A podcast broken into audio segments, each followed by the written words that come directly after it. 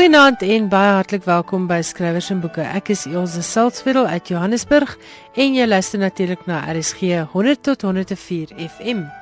Nou hoor ek dikwels die verskoning dat mense nie kan radio luister nie want hulle het nie meer 'n radio nie. Nou gelukkig vir jou kan jy inskakel op ons webwerf by www.rsg.co.za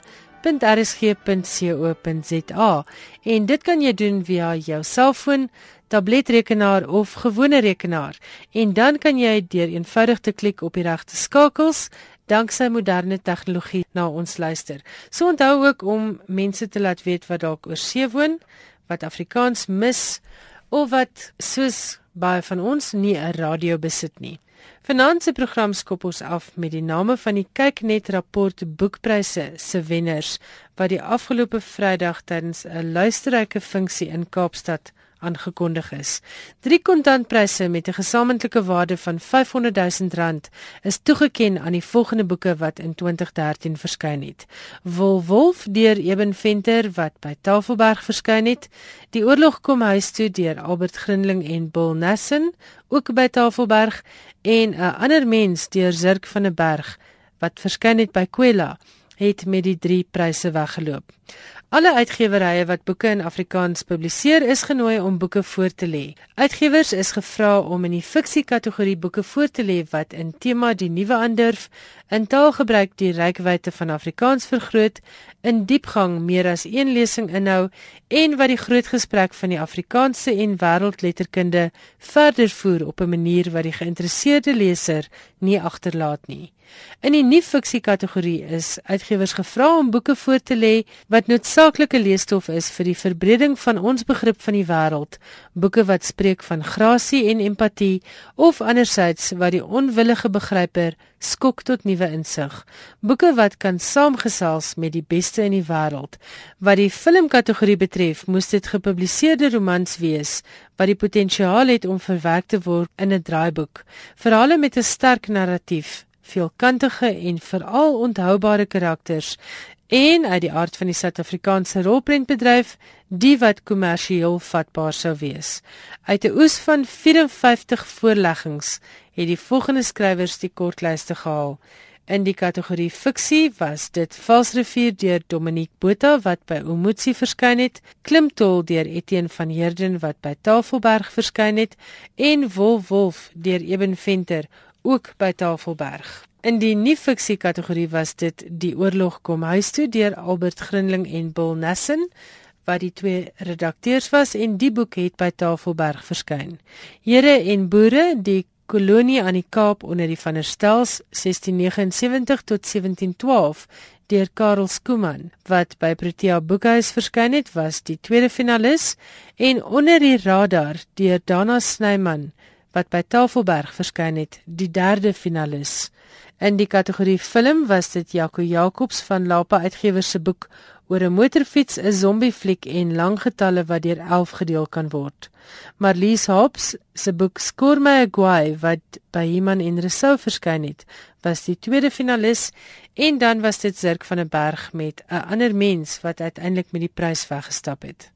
Van skrywers en boeke se kant af baie geluk aan Eben Venter met Wolf Wolf, aan Albert Grinling en Bill Nassen met Die oorlog kom huis toe en Zirk van der Berg met 'n ander mens. Ek hoop julle geniet julle pryse en baie dankie ook aan Kyknet en Rapport vir hierdie broodnodige inisiatief vir Afrikaanse letterkunde.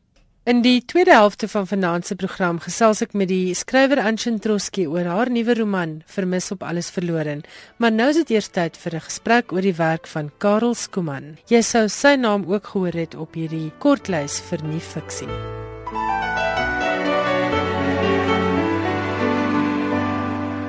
Ek gesels met professor Willie Burger van die Departement Afrikaans by die Universiteit van Pretoria. Hy is die hoof daarvan. En wil jy praat vanaand met ons oor Karel Skuman wat 75 geword het hierdie jaar nou. Hy is baie publisiteitskie. Ja, ek dink die laaste onderhoud waarvan ek weet was die een wat hy vir kyk net gedoen het met die boeksusters daai tyd. Um, en ek dink hy het sedertdien ook 'n keer opgetree by Stellenbosch by die Opperman gedenklesing. En um, ek dink dit was nog van altyd af so hy het 'n soort kluisenaar bestaan ook gevoer vir 'n groot deel van sy lewe.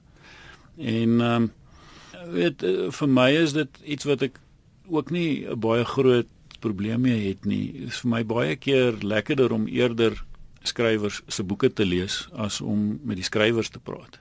Ja, um, dis baie waar. Um, met sommige skrywers wat ek al mee gepraat het, het ek agterna gewens ek het nooit met hulle gepraat ja. nie want ek het meer van hulle boeke gehou as van hulle. En, en baie keer is hulle skryfwerk self iets wat vir jou veel meer te sê het as wat hulle te sê het. En en dit hoort natuurlik ook so want ek dink nie 'n kunstenaar weet altyd eers presies wat al sy werk beteken en kan doen en aan mense kan doen nie. Ehm um, partykeer is dit uh, juis die onverwagte en en wat verder strek as die, as die as die kunstenaar se eie ding. So, en Chris Barnard het eendag vir my gesê ek was nog baie jonk toe kom erns raak geloop het, toe vra ek vir hom oor die kind in Mahala wat my eerstejaars voorgeskrewe boek was en toe sê hy vir my nee sê jy vir my of dit 'n verbeelde kind of 'n regte kind was. Dis ek nie maar sê jy, dis sê hy Nee maar ek weet nie, dit hang af van wat jy daarin gelees het. maar presies. En die ander ding wat ek agtergekom het, alle skrywers is nie praters nie. Ja. Dis hoekom hulle skryf. Ja, dis hoekom hulle skryf. En party ouens praat so goed jy wil hulle nie meer hulle goeters lees nie. Ja. Ehm um, so nee, ek weet nie maar Skuman is is baie skie vir media. Ehm um, maar ek dink ook uh, hy het vir baie jare in elk geval gewerk tog as 'n argivaris onder in die Kaapse argief as mm. bibliotekaris diep in die kelders en hom bemoei met ou dokumente, ou tekste en as navorser gearbei voortdurend besig met stowwerige ou argiefwerk vir die grootste deel van sy sy werkende loopbaan het hy dit gedoen. En en ek dink dis ook wat hy verkies, daai hmm. onttrekking daarso. Ek dink altyd aan hy uit so 'n stukkie iewers in sy autobiografiese werk daai die laaste Afrikaanse boek waarin hy geskryf het oor die tyd wat hy besig was met sy novisiaat toe hy nog 'n uh, eh, katolieke priester wou geword het ja. en in in Ierland was het hy gesê hulle moes dan daagliks uitgaan buitentoe al hierdie ouens en besig met hulle novisiaat nou moet hulle sokker speel daar buite. En dit was nou vir hom baie swaar en wat hy gedoen het is hy het so na as moontlik aan die kantlyn en so ver as moontlik van die bal afgebly. en en in 'n sekere sin dink ek dit is wat hy ook gedoen het met met, met die media en met uh, die die groter soort van sosiale lewe. Hy's 'n alleen mens, enkel ja. lopend en, en probeer om so ver moontlik van die bal en so naas moontlik aan die kantlyn te bly.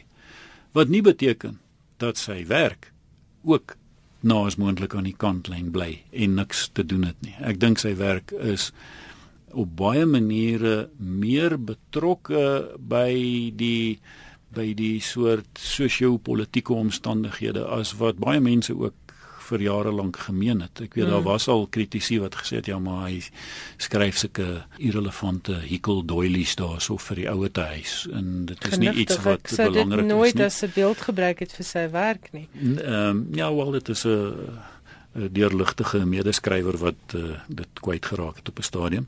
Maar um, ek ek dink as 'n mens net dink aan iets soos uh, na die geliefde land ehm um, hmm. wat jy sekerlik as een van die belangriker tekste uit die 1970s kan noem is 'n teks wat ten nouste gemoeid eh, was met die Suid-Afrikaanse politieke situasie. En die interessante is hy's eers in hierdie eeu vervilm wanneer was dit omtrent in 2003 wat daai vervilmde weergawe daarvan verskyn het. Ja, en en dis steeds as relevant genoeg geag is om nou 'n film oor te maak. Mm. Trouwens is amper as jy dit nou lees, voel dit vir jou of die boek uit uh koerantberigte uit ons eie tyd uitgeskryf is. Ehm um, so uh, op daai manier was hy nog altyd uh, baie betrokke. Um, ek dink ook in iets soos afskeid en vertrek. sien mense dit ook duidelik, maar maar natuurlik is is al sy werk op 'n manier baie nou gemoeid met die Suid-Afrikaanse situasie. Trouwens, in die eerste plek het hy meer as 50 geskiedenisboeke geskryf. Regtig? Hier in 2000 rond het ek en 'n kollega Elise van Vuren 'n uh, 'n boek saamgestel oor Skuman se werk en dit ons onder meer probeer om 'n omvattende bibliografie van sy werk saam te stel. En net aan artikels, navorsingsartikels wat in verskeie museumtydskrifte en in uh, historiese tydskrifte verskyn het, is daar ongelooflik baie. Dit het ons baie lank besig gehou om die goeders bymekaar te kry. En dan is dit partykeer gewees 'n artikel oor klere drag in die Oranje Vrystaat van 1870 tot 1875 wat berus op navorsing waar hoe gaan jy nou weet wat het mense in daai tyd gedra? Jy moet in die stowwerige argiewe rondkrap. Kyk na advertensies mm. in die koerante of tydskrifte van die tyd. Wat was die modes? Mm. Maar dit is nie die klere wat mense noodwendig dra nie. Nee. So hy het gaan kyk na wat is in polisieverklaringe opgegee sure. as die klere wat gesteel is toe daar 'n inbraak was gaan kyk na wat is die inventarisse wat opgestel is wanneer iemand byvoorbeeld gearresteer is en in die tronk opgesluit van watter klere het hierdie ou gedra. Die soort bronne. Genigtig. So dit is fyn bronne wat gefynkom is om 'n stukkie geskiedenis te kan skryf. So hy het hierdie enorme skat wat hy en natuurlik boeke en boeke wat ja. uiteindelik strek van uh voor Jan van Riebeeck in die Kaap aangekom het. Ja. Dink maar aan daai omvangryke boeke Armoesyn van die Kaap. Ja. wat 'n voorspel tot vestiging is. Ehm mm um, deur die vestiging, die boeke oor van Riebeeck se vestiging wat alles gebaseer is op argiefnavorsing en wat deurgaan tot by boeke wat hy saamgestel het oor die sending geskiedenis sendelinge oral op verskeie plekke in die land. Of oor individue geskryf het soos Magteld Smit en die soort mense gaan navors het en selfs meer persoonlik het hy sy eie voorgeslagte sy eie um, ouma oupa oupa grootjie gaan navors tot in Nederland in terug en hulle geskiedenis gaan op die, ek dink in Merksteen daai dubbelbiografie. So op hierdie manier dek sy navorsing 'n goeie 300 jaar, meer as 300 jaar historiese navorsing. Maar dan het hy nog al die romans en en in sy romans dink ek gaan hy weer op 'n manier anders om met die geskiedenis. Ek dink wat al daai navorsing doen is dit gee om die vermoë om 'n baie spesifieke tekstuur aan daai verlede te kan gee. As hy skryf in 'n roman soos Verkenning -hmm. oor die mhm. Bataafse bewind. Dan is dit elke stukkie besonderheidjie as daar 'n toneelstuk opgevoer word in die Kaap wat hierdie besoeker nou in hierdie roman bywoon, dan is dit iets wat opgevoer is. Mm. Um, en en dit op daai manier gee dit so 'n 'n nou geweefde ryk tekstuur aan sy werk. Maar ek dink hy gaan 'n bietjie verder in sy romans as wat hy gaan in die geskiedenis opskryf.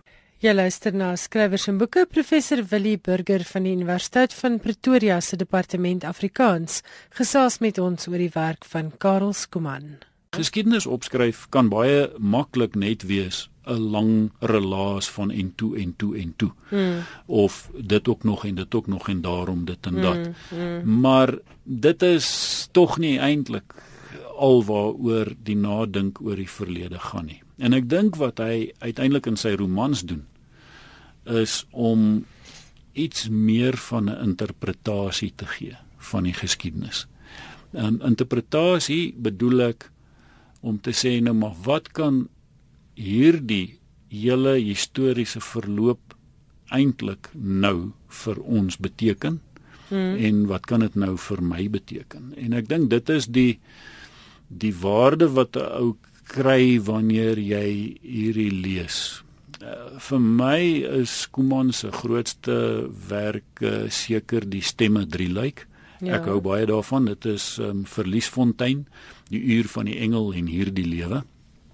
Wat al drie uh, gen genommer is met stemme 1, stemme 2, stemme 3. En die stemme is daardie stemme uit die verlede mm. wat ehm um, 'n mens as dit ware hoor.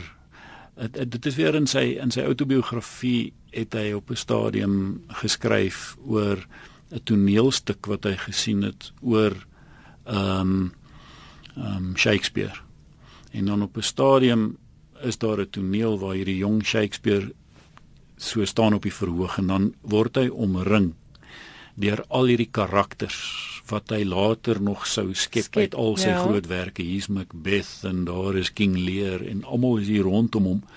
En dan begin hulle so om hom te te draai in so 'n halfwaansinnige toneel waarin hulle sê tell my story, no tell mine and mine and mine en so word dit byna 'n uh, jy weet 'n uh, dwang op hierdie jong man om al hierdie stories te vertel. Mm, mm. En dit is die beeld wat hy gebruik wat hy ook self ervaar dat hy na jare se gekrap en gelees en gewerk in die argiewe agterkom maar histories wat vertel moet word en dat hy 'n soort dwang op homself het om hierdie stories ook te vertel. En dis daai stemme wat 'n mens begin hoor klink uit die argiewe wat eh, lewendig word hmm. in in 'n wêreld in 'n romanwêreld. En vir my is dit in die stemme drie lyk natuurlik daar word dit nou self op die voorgrond gestel maar dit dit geld al sy werk en jy kry dit al terug. Ek dink 'n ander land is 'n baie belangrike voorloper van wat jy ook hier hmm. kry. Want net daai titel 'n ander land word 'n refrein wat jy as dit ware kort kort weer deur sy romans hoor weer klink. Ja, want land is baie belangrik. Nou, dis in 'n paar van sy titels. Land is altyd belangrik, maar dit is ook ehm um, die openingsreël van Verliesfontein lui. Die verlede is 'n ander land. Waar ja. is die pad wat daarheen loop? En dit is dus die verlede as 'n ander land, as 'n vreemde land ja. wat jy nie kan ken nie. Hoe kan jy daarby uitkom? Hoe kan ons by die verlede uitkom? Kan ons ooit iets van die verlede begryp? Vir my word dit waarskynlik die treffendste voorbeeld in in die uur van die engel wat gaan oor 'n uh, 19 middel 19de eeu se skaapwagter deur in die in die Suid-Vrystaatse vlaktes wat sê dat daar 'n engel aan hom verskyn het helder oor dag en middag terwyl hy daarso uit sy toebroodjies wou eet en terwyl hy by die skape is het 'n engel aan hom verskyn. En hy probeer dan vertel van hierdie engel wat aan hom verskyn het, maar die kerkraad roep hom in en verbied hom om daaroor te praat mm. want uh, natuurlik is dit nou net 'n kans vir dwaalleer. Die arme kerel is boonop uh, ongeletterd. So hy kan nie om behoorlik hieroor uitdruk nie dan maak hy gedigte daaroor. Maar onthou nou die enigste voorbeeld wat hy het van poesie is die gesange wat hulle sing in die kerk. Mm. So hy gebruik die die frases en die woorde en die taal van dit wat hy nou bekend het, daai mm. lomp Hollandse sinne wat hy waarskynlik ook maar net half begryp. En daarmee probeer hy dan nou gedigte maak wat sy suster moet neerskryf. Wat sy uiteindelik neergeskryf het. En dan kry 'n dominee later hierdie gedigte van die gemeente. Geslag later die dominee Heinz dink kry dit in die hande. En dan besluit hy die goed ontroer hom. Maar dit is so swak versies. Ek meen dit is swak poesie maar dit roer hom. Dan skryf hy 'n voorwoord en hy redigeer dit en hy gee dit uit. Maar niemand koop die goed natuurlik nie en nog 'n geslag later word dit deur 'n onderwyser op die dorp wat die geskiedenis van die dorp probeer uh, navors ontdek. En haal hy weer die dominee se redigerings daar uit want dit het hierdie dit tref hom. En dan gee hy dit weer uit op eie koste. Mm. natuurlik maar weer niks oplewer nie. En en in die in die uh, roman hede is daar dan 'n uh, ou van die SAIK wat uh, wil 'n dokumentêre film maak en hiervan kan onthou en dan probeer hy nou navors of hulle 'n film kan maak. Die punt is, daai gebeurtenis, die verskyning van die engel was iets wat ons nie kan teenwoordig stel ooit weer nie. Hmm, nie met 'n hmm. gedig nie, nie met 'n vertelling nie, nie met 'n geskiedenis nie, allermins met 'n film videokamera. Ja, hmm. Dis weg. Hierdie ou gaan besoek die plek waar dit gebeur het. Hier's die klip. Daar's niks te sien hmm. om meer as 100 jaar later in die veld nie en daai gebeurtenis is altyd weg. Maar herhaaldelik word daar gesê, maar dit beteken nie dat daar nie iets gebeur het nie. Iets het gebeur. Iets wat ander kant ons woorde, ons taal lê, het hmm. gebeur. En dit is dink ek wat Skuman in sy werk probeer vasvat, wat ek dink enige digter mee besig is, enige romanskrywer iets het gebeur en en is 'n poging om daardie iets wat buite ons verstaan, buite ons bevattingsvermoë lê vas te vat. En en hier besef elkeen, weet jy sit met 'n taal wat ontoereikend is die ou moet dit in Nederlands probeer doen want dit is al taal wat hy het. En dis nie sy taal nie. Dis sy taal nie. Die mm. arme ou dominee wat daar sit en hy moet sy preke sit en skryf daar in die donker nagte by 'n kersliggie en dan sukkel hy om hierdie Nederlandse sinne reg te kry en en hy moet dit doen. Dis 'n geleende taal mm. en iets van die eie vuur. Hoekom hierdie dominee so entoesiasties is oor die versies is dat hy ook op 'n stadium 'n dag iewers geloop het en 'n populierboom gesien het en dit vir hom gelyk of die boom brand en hy het op daai oomblik besef God roep hom om 'n predikant te word. Wat hy nou word. Maar nou is hy blykbaar nie 'n vreeslik suksesvolle predikant nie. En die mense hou nie van sy preke nie en hy sukkel maar. Maar daar het iets met hom gebeur mm, en hy het 'n mm. ervaring gehad, maar hy kan dit nie verwoord nie en hy kan dit nie uitkry nie. Hy kan nie daai oorspronklike moment se mm. entoesiasme en vuur deurdra nie. Nessie skaapwagter. Nessie skaapwagter. En eintlik is dit maar ons almal se probleem tot 'n mate dat ons ervarings het dat ons beskouings het van die wêreld en ons sukkel om iets daarvan oor te dra, om iets mee te deel aan ander. Dit te bly vir altyd buite ons bereik. Nou dis iets wat Skuman dink ek met al sy romans uiteindelik doen is om om te gryp na daai ding wat so half buite alles lê, mm. wat ander kant dit lê. En dit beteken ook dat ek vermoed sterk as 'n mens kyk na hierdie stemme drie lyk, maar reeds ook na iets soos afskeid en vertrek. Is daar telkens by hom iets van die bemoeienis met die verlede is 'n manier nie net om te onthou om nou maar net te onthou nie. Nie om dat ons een of ander verpligting het alleen teenoor die voorgeslagte dat ons hulle nie mag vergeet nie. Dis nie maar net 'n manier dat ons dink o, as ons dit nou gedoen het, dan gaan ons ons wêreld nou beter verstaan want ons kan nou die geskiedenis mooi verstaan nie. Dit wil vir my lyk like, telkens ook in die uur van die engel in Verliesfontein in in hierdie lewe. In hierdie lewe daai wonderlike boek van die ou vrou wat op haar sterfbed lê en ook gekonfronteer word met 'n klomp herinnerings oor haar hele lewe wat by haar opkom. En party van daai goed wil sy nie onthou nie, mm. maar dit is soos 'n dwang, sy kan nie mm. help nie en sy moet dit konfronteer uiteindelik. Maar uiteindelik is dit nie maar net, o, nou het sy haar hele lewe bymekaar gesit en sy het nou 'n samehangende storie en nou kan sy sterf in vrede nie. Uiteindelik is dit iets van jy word met al hierdie stories uit die verlede, al die stemme uit die verlede gekonfronteer en is 'n manier waarop jy met jouself gekonfronteer word. En dan is dit dis vir my kom ek heel in die begin ook gesê dis altyd relevant want dit is nie asof dit met ander mense daar gebeur nie. Uiteindelik is sy romans 'n konfrontasie vir jou met jouself hmm. en is jou eie ervaring oor hoe jy teenoor hierdie stemme uit die verlede reageer. Nou word telkens gesê die reis is inwaarts. Ja. En dit het 'n soort boeddhistiese klank daaraan, hmm. 'n hmm. soort meditatiewe klank daaraan.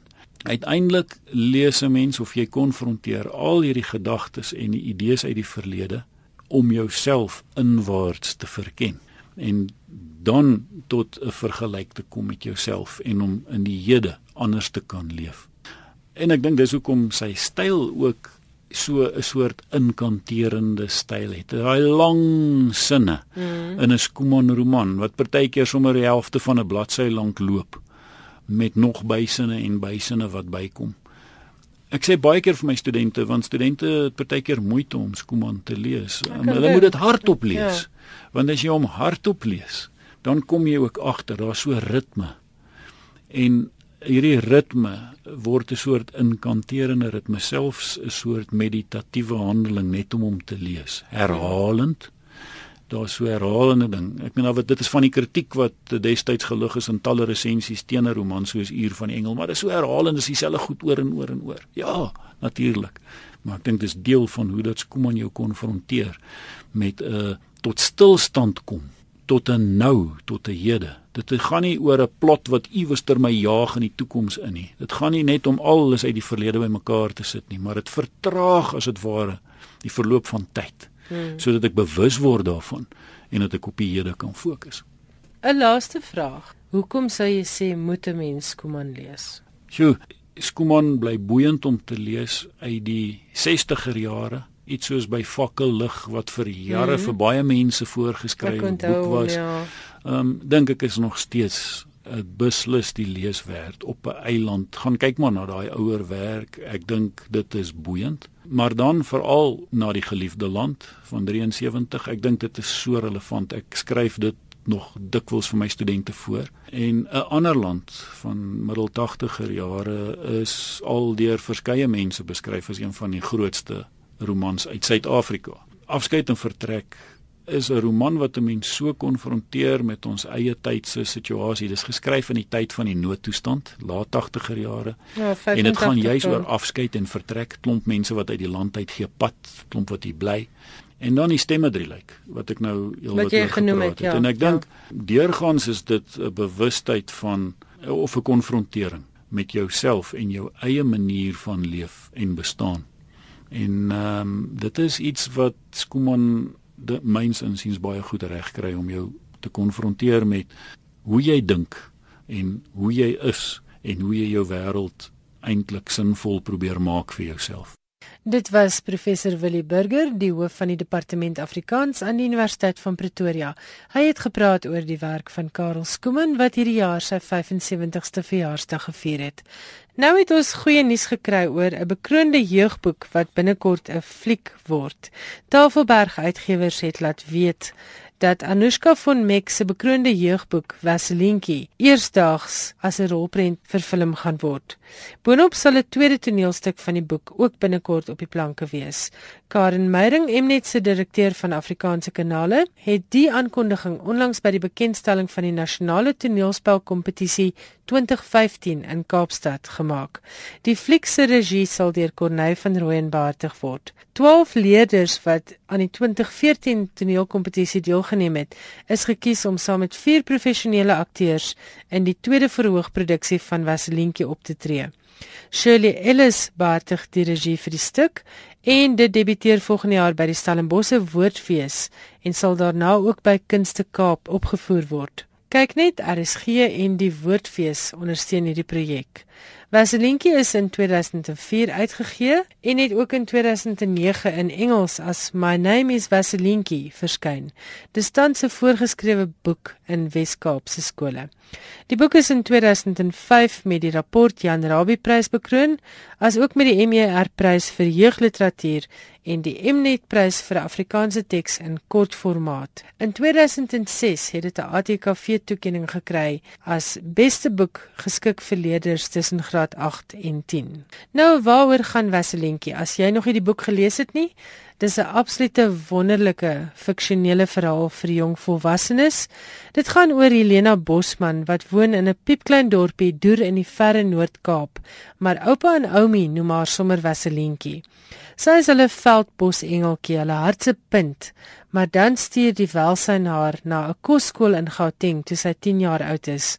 Hierdie kosskool is die weeshuis waar Madiba se weggooi kinders bly. Vaselinkie speel af in 'n vreemde, harde, gevaarlike wêreld van skomgat kinders, kwaai huistannies en hartvogtige, onregverdige koshuisvader. Dis 'n wêreld van entjies rook, hare laat afskeer en planne maak om te wallop, waar niemand oor jou traak nie en waar jy ook leer om oor niemand te traak nie. Maar soos die maande jare word, kruis een naam telkens Vaselinkie se pad. Dixon Kirby en daardie naam loop reguit na haar hart. Vaselinkie is ook op die ererol van IBI, die International Board on Books for Young People, geplaas in 2006. Vaselinkie is 'n boek wat ek met my hele hart kan aanbeveel. Dit is geskryf vir jong volwassenes, maar ouer lesers sal dit beslis ook geniet. En dit maak 'n baie goeie Kersgeskenk. Ek gesels nou met Anshin Troski, 'n vrou wat ons aan die hart gegryp het met Dis ek Anna wat sy onder die skuilnaam Elbi Lotter geskryf het. Net soos Vaselinkie is dit 'n boek wat my vir altyd sal bybly. Maar Anshin Troski is 'n baie bedrewe skrywer wat oor veel meer as molestering kan skryf.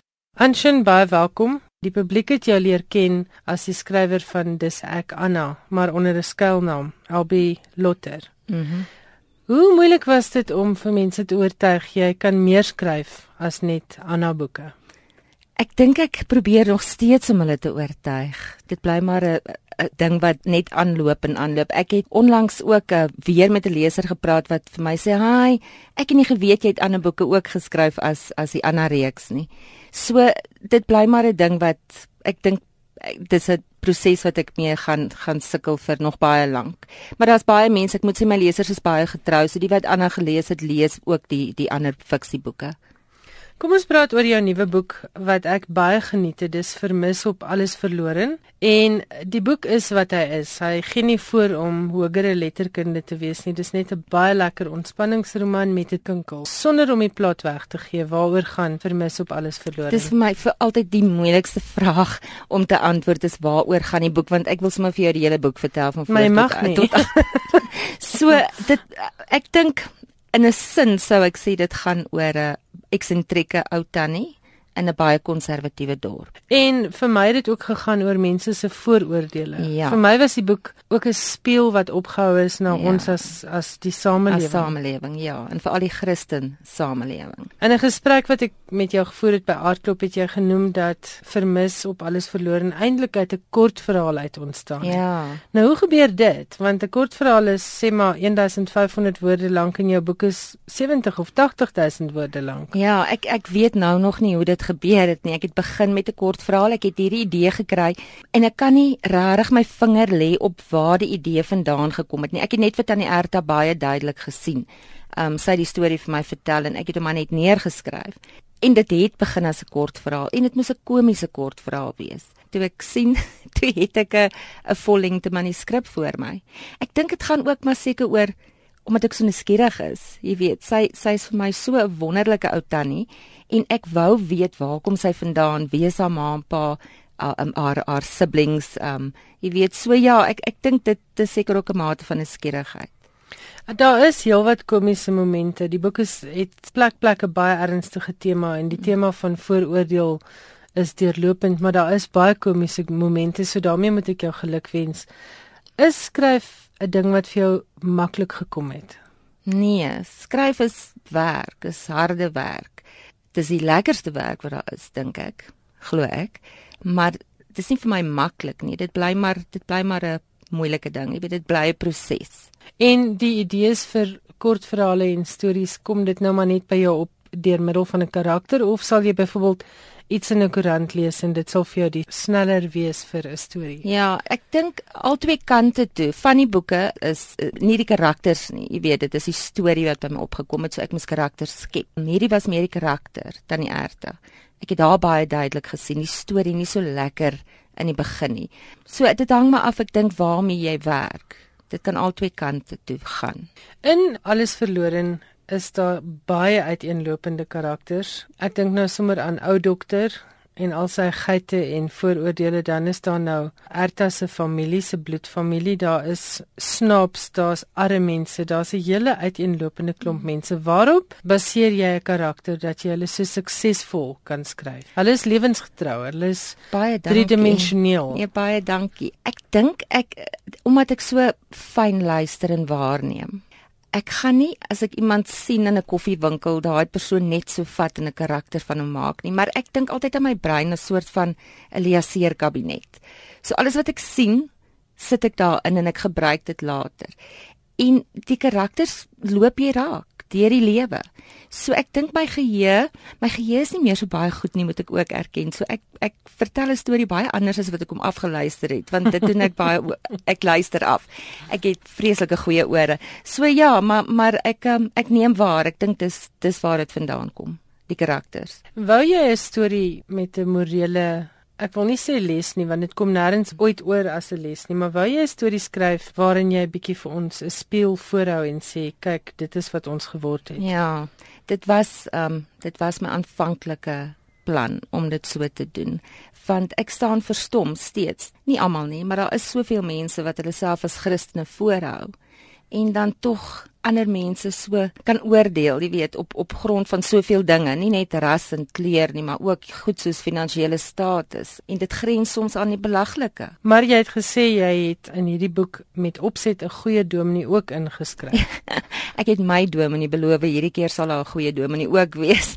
So ek um, ek dra hom op aan my eie dominee. Met ja. ander woorde, jy het niks teen Christendom en nee, Christendom nie. nie. Jy het dit net daarteen dat ons van ons harte moordkuile ja. Maak en dat ons nie ja. naaste liefde uitleef ja. nie. Ja. Die gesin waar hy gekom het, is vir my 'n tipe Afrikaner wat ons almal ken. Of ons mm. nou wil weet of nie ons almal ken sulke mense. Het jy sulke mense iewers in jou lewe geken dat jy hulle so goed kon beskryf? Nee, ek kan nie onthou spesifiek nie. Ook maar weer soos ek nou net gesê het, jy weet jy, jy neem maar waar en dan is dit maar kombinasies van mense, jy weet jy voeg maar hier ietsie by van iemand en ietsie anders van iemand anders en uh, en 'n karakter ontstaan. Dink jy dis vir jou makliker om te skep omdat jy op 'n plaas bly? Want ek weet mense dink boere doen eintlik niks nie. En ek neem aan jy kry seker 1000 keer die opmerking dat jy darm baie gelukkig mm. moet wees om op 'n plaas te bly en so te kan mm. skep. Ja, nee, ek kry dit nogal baie. Ons is baie besig. Dis darm nou nie net sit op die stoep en drink koffie nie, weet ons en opdragte gee nie. Ja, ja, ja. ons het on, nee, ons is baie besig, maar dit daar is seker darm iets te sê aan die stilte van 'n plaas, jy weet. Jy kan jou selfoon afsit en jou landlyn van die Makia val en jou deur toe trek en en jy kan aangaan en jy kan skep. So miskien ek weet nie of dit jy kan dit seker in die stad ook doen Ilse. 'n Selfoon kan afgeskakel word ja, hoewel min van ons dit weet. ja. Kom ons praat gou-gou oor Afrikaans en die toekoms van die taal en boeke. Is jy bekommerd oor Afrikaans? Nee, ek dink ons almal het maar 'n vrees vir Afrikaans. Ons is maar bang dat jy weet die taal gaan uitsterf, maar Ek dink solank ons dit praat, solank ons dit lees, solank ons ons kinders in Afrikaans laat lees, kinders ehm um, dink ek is die belangrikste. Ons moet hulle van kleins af laat lees in Afrikaans. Ek kan nie dink dat dit 'n vreeslike 'n kwessie gaan wees in die toekoms nie. En is jy 'n ywerige leser? Ek dink altyd aan myself eerstens as 'n leser voordat ek dink aan myself as 'n skrywer. Ja, ek lees baie en ek lees wyd. Ek kan ongelukkig nie alles lees nie, maar ja, ek, ek probeer soveel moontlik, ja. Hoe dit gekom dat jy dis ek Anna geskryf het en jou voete as 'n skrywer gevind het? Wou jy 'n skrywer wees ooit in jou lewe? Ja, ek dink vandat ek die eerste keer met woorde gewerk het en ek kan nou nie onthou nie. Ek dink die ons het in graad 1 sub A met woorde gewerk. Ek dink ons het meer klei gespeel. Maar watter stande dit ook was. Ek onthou ook nogal die klei. Ja, ek onthou die klei baie goed. En dit was vir my so lekker dat jy woorde aan mekaar kan string en sinne kan maak. Ek dink daar het my liefde begin. En ek wou altyd skryf. Ek het net nie die selfvertroue ooit gehad nie. Anna is 'n is 'n boek wat ek gevoel het ek moet skryf. Vir selfsugtige redes ook dalk om dit uit my stelsel te kry. Maar dis 'n boek wat ek ek moes dit doen. En was jy verras oor die ontvangs? Ja, baie. Ek onthou toe die boek pas verskyn het, het ek vir my man gesê, "Ag, asseblief ons moet die naweek uh, Port Elizabeth toery en net so 5 boeke gaan koop dat dit darm net lyk asof iemand belangstel in hierdie ou boekie." en uh, voordat ons dit kon doen, was hy al in sy tweede druk. So ja, nee, ek is ek staan nou nog verstom. Hoeveel drukke het hy uiteindelik beleef, weet jy? Ek gaan jok, maar ek dink is iets soos 20 of 21 so iets. Dis ja. fantasties vir 'n Afrikaanse mm. boek. En toe jy nou Anna geskryf het, toe is daar 'n opvolg. Hoekom was daar 'n opvolg? Die lesers het gevra vir 'n opvolg. Ek het nooit gedink ek gaan 'n opvolg skryf nie. Dit het nooit eers by my opgekom nie, maar oral waar kom het die lesers gevra, hulle sê wie ons weet nou wat met jou gebeur het. Maar wat het met Anna gebeur? En dis daar uit dat dat ek die opvolg toe geskryf het. En het Anna toe nou 'n gelukkige einde gehad? Ek dink dit moet die leser self besluit in die einde, maar ek dink so. Ek dink sy het haar al haar duiwels is begrawe en bestry. Ek dink sy, ek dink sy's gelukkig. En hoe dit gebeur dat Anna 'n verhoogstuk geword het? Het jy enige insig daarin nee, gehad? Nee, hoe genaamd nie. Ek het eendag 'n oproep gekry um, van iemand by NB Boeke wat net vir my gesê het dit is nou 'n uh, verhoogstuk en ek het um, ehm, KAKNK toe gery om vir Antoinette Lou te gaan kyk. Dit was wonderlik en dis eintlik al wat ek daarvan weet. En toe besluit jy jy gaan nou jou skuilnaam Elbi Lotter los en jy gaan onder Anshin Troski skryf. Was dit 'n maklike besluit? Nee, dit was 'n baie moeilike, baie lang besluit. Baie mense met wie ek eers moes praat, my man, my kinders, my sussie, jy weet, ek het deur die hele keboedel gegaan en eers almal se insaag gekry. En op die einde het my sussie vir my gesê mens kan nie altyd omkyk omkyk leef nie. Leef vorentoe, klim uit die kas en ek is baie bly ek het dit gedoen. Ja, want jou boek um, Anna dink ek het baie lewens geraak en ek dink dit is ook goed om op 'n manier tog 'n breek te, te maak tussen Anna en Anshin. Mm. En die oop te bring mm. en te sê hier's ek ek skryf ook en ek ek kan oor meer skryf as as net molestering en ja, hartseer ja, lewe. Ja. Ja. Het jy enige skryfopleiding ooit in jou lewe gehad? Nee. Dis nie. dis fantasties. Met ander woorde, jy's eintlik dan nou maar soos hulle in Engels sê natural. Ek kan nog nie aan myself so dink nie. Ek dink nog nie eens aan myself as 'n skrywer nie. Uh nou nog as ek 'n vorm moet invul en dan staan beroep dan ek sit my huisvrou in. Wel, in die lig van onlangse koerant stories oor huisvrouens, dink ek jy kan maar sit huisvrou skrywer. Ja, skrywer is dalk nou 'n beter beroep, nee. Sê gou vir my 'n laaste ding, waaraan werk jy nou? Ooh, moeilike vraag. Ek is besig. Ek ek is eintlik al redelik ver met 'n uh, met 'n storie. En toe kom gooi my dogter 'n vreeslike klip in die bos met 'n idee wat sy gekry het en ek dink is wonderlik. Ehm um, dit dit dit spruit uit vermis. So ek sit nou so en wonder watter een gaan ek aanpak? Moet ek aangaan? Moet ek hom eers in 'n laai ingooi en die nuwe een begin? Op die einde het ek besluit ek vat nou 'n breek en oordink al hierdie goed baie mooi voor ek begin. Ja, want boekskryf is harde werk. Is harde werk. Hoe lank het jy ge geskryf aan vermis? So jaar. Dit vat my so jaar. En skryf jy dan byvoorbeeld ek ek hoor daar's verskillende metodes. Jy skryf te veel woorde en dan redigeer jy hmm. af. Of doen jy dit soos wat 'n ander skrywer met wie ek onlangs gepraat het doen? Sy skryf 'n baie breë raamwerk van sê 60000 woorde en dan brei sy uit. Ek dink ek moet gewoonlik eintlik sny. Ek het 'n baie lang asem. So ek het altyd te veel en baie detail. So ek gaan terug en ek sny redelik baie. Ja. Anshin, dit was heerlik om vir jou vandag in die ateljee te hê. Baie voorspoed met jou boek bekendstellings hier in Gauteng. Baie dankie. En Ilse. mag die boek van die rakke afvlieg. Baie dankie. Dit was die stem van Anshin Troski, die skrywer van Vermis op alles verloren. Vermis op alles verloren word uitgegee deur Kwela Boeke en kos R220. En netterloops Anshin was super beskeie toe sy gepraat het oor die sukses van Dis ek Anna wat onder haar skuilnaam van Elbi Lotter uitgegee is. Daar's 75000 eksemplare van Dis ek Anna verkoop en nog iets in die 20000 van die Engelse weergawe. Nou het Vader tyd ons weer ingehaal. Dit is ongelukkig die einde van Finansie Skrywers en Boeke, maar volgende week is ons terug met nog 'n aflewering van Skrywers en Boeke. As jy vir ons wil e-pos, die e-posadres is skrywersenboeke@rsg.co.za. Ek aanvaar ongelukkig nie manuskripte of kortverhale sodat ek kan help met die keuringsproses of sodat ek dit by uitgewers kan uitkry nie. Daar is direkte skakels na meeste uitgewers op die internet. So stuur asseblief jou werk sommer direk vir 'n uitgewer of vir 'n keurder. As jy SMS wil stuur, ons SMS nommer is 3343 en elke SMS kos R1.50. Gratis SMS se taal ongelukkig nie. Die program word Saterdag nag om 1uur uitgesaai in deernag as jy dalk weer wil luister of jy kan op ons webwerf gaan luister na 'n potgooi van skrywers en boeke. Dit is alles daar tik eenvoudig die program se naam in en dit sal jou neem na 'n hele lys van skrywers en boeke wat uitgesaai is. En terloops, as jy die woordketting geniet het wat so 2 weke gelede uitgesaai is as deel van die RSG Kunstefees, dit is ook as 'n potgooi beskikbaar op rsg.co.za. Woordketting is natuurlik die program waaraan die digters Diana Ferris, Andries Besaidnout en Philip de Vos deelgeneem het en waarin ons 'n bietjie pret gemaak het met bestaande gedigte en nuwe skepings. Nou ja, groet tot volgende week uit Johannesburg. Ek is Elsje Salzveld. Bly ingeskakel vir die res van vanaand se lekker programme op RSG. Tot ons weer gesels volgende Woensdag aand, dieselfde tyd tussen 8 en 9 en dieselfde plek net hier op RSG. Totsiens.